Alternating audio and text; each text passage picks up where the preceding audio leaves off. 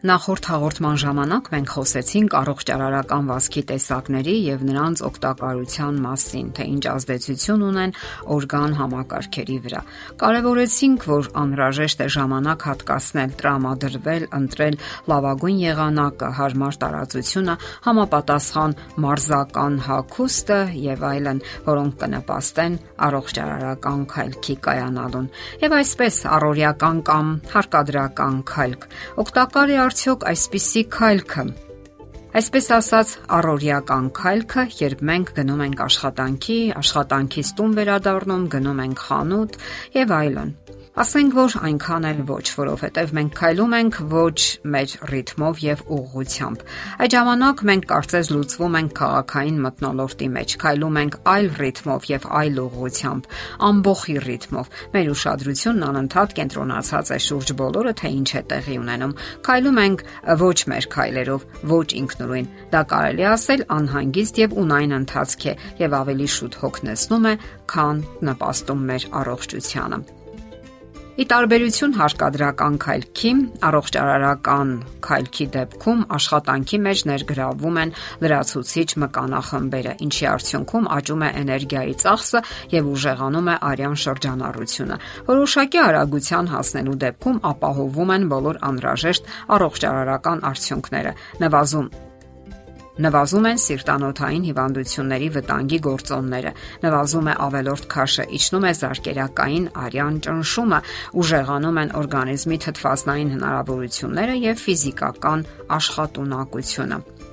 Ինչ կարելի ասել սկանդինավյան կամ փայտիկներով քայլքի մասին։ Ըստ էության սա առողջարարական քայլքի մի տարատեսակ է։ Փայտերի հաշվին մեծանում է ծանրաբեռնվածությունը մկանների եւ սիրտանոթային համակարգի վրա։ Դա թույլ է տալիս թուլացնել ձեռքերի եւ մեջքի մկանների ծանրաբեռնվածությունը, իսկ մյուս կողմից բեռնաթափում է ոտքերի հոդերի լարվածությունը։ Փայտերն օգնում են զարգացնելու եւ վերահսկելու տեղաշարժման անհրաժեշտ տեմպը, ինչպես նաեւ թեթևացնել քայլքի բուն գործընթացը։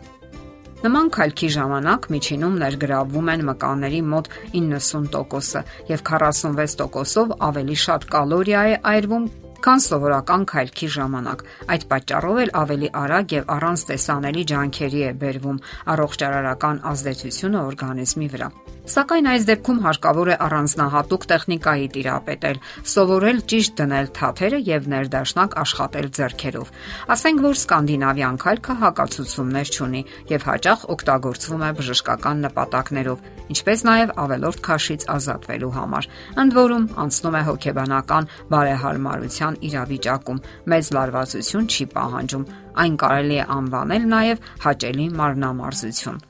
Մարզական քայլքը մեծապես տարբերվում է առողջարարական քայլքից իր բարձր արագությամբ։ Վարպետ քայլորդների մոտ արագությունը երբեմն հասնում է ժամում 15 կիլոմետր արագության, ինչը հասանելի չէ սովորական մարդուն անգամ վազելու դեպքում։ Այստեղ խիստ կարգավորվում է քայլքի տեխնիկան։ Անհրաժեշտ է հետևել, թե ինչպես ես դնում թաթերը գետնի վրա, ինչպես ես հրվում առաջ, ինչ վիճակում է մեջքդ եւ այլն։ Հակառակ դեպքում որակազրկման սպառնալիք կա։ Վազքի այս տեսակը 1932 թվականից ներգրավված է Օլիմպիական խաղերի մարզաձևերի մեջ եւ այնուամենայնիվ ավելի մեծ տարածվածություն ունի առողջարարական վազքը, որը ամենահարմարն է մատչելիության եւ հարմարավետության առումով։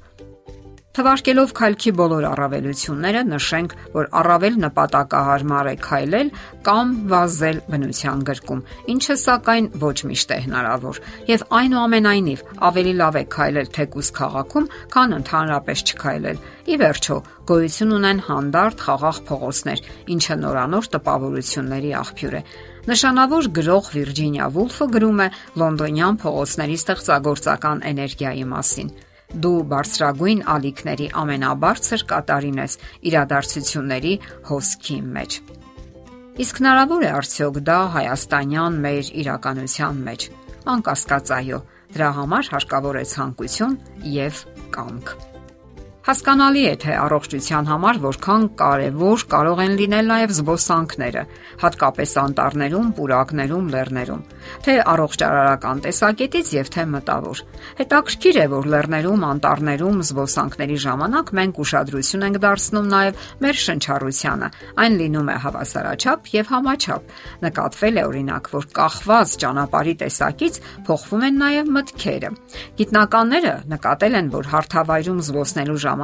մեր դատողությունները երկար են, տարածական ու ընդարձակ։ Լեռներում զբոսնելու ժամանակ մենք որոնում ենք ճշգրիտ ձևակերպումներ եւ սահմանումներ, որովհետեւ թթվածինը չի բավականացնում։ Իսկ ահա լեռներից իջնելու ժամանակ մենք հակված ենք ինքնաբուխ ազատ մտքերի, որոնք կարծես հորդում են տարածվում բոլոր կողմերի վրա։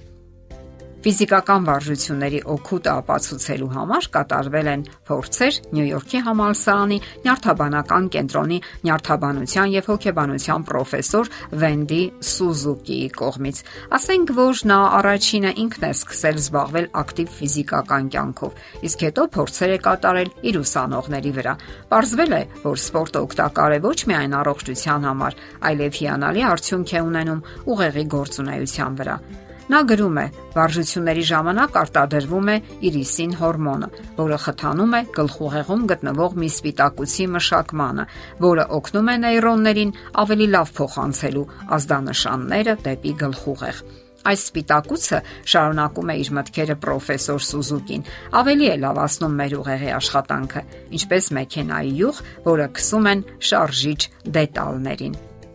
Դե ինչ, առողջարարական քայլքը իսկապես կարևոր է։ Մտածեք այս մասին։ Եթերում առողջ ապրելակերպ հաղորդաշարներ։ Հարցերի եւ առաջարկությունների համար զանգահարել 033 87 87 87 հեռախոսահամարով։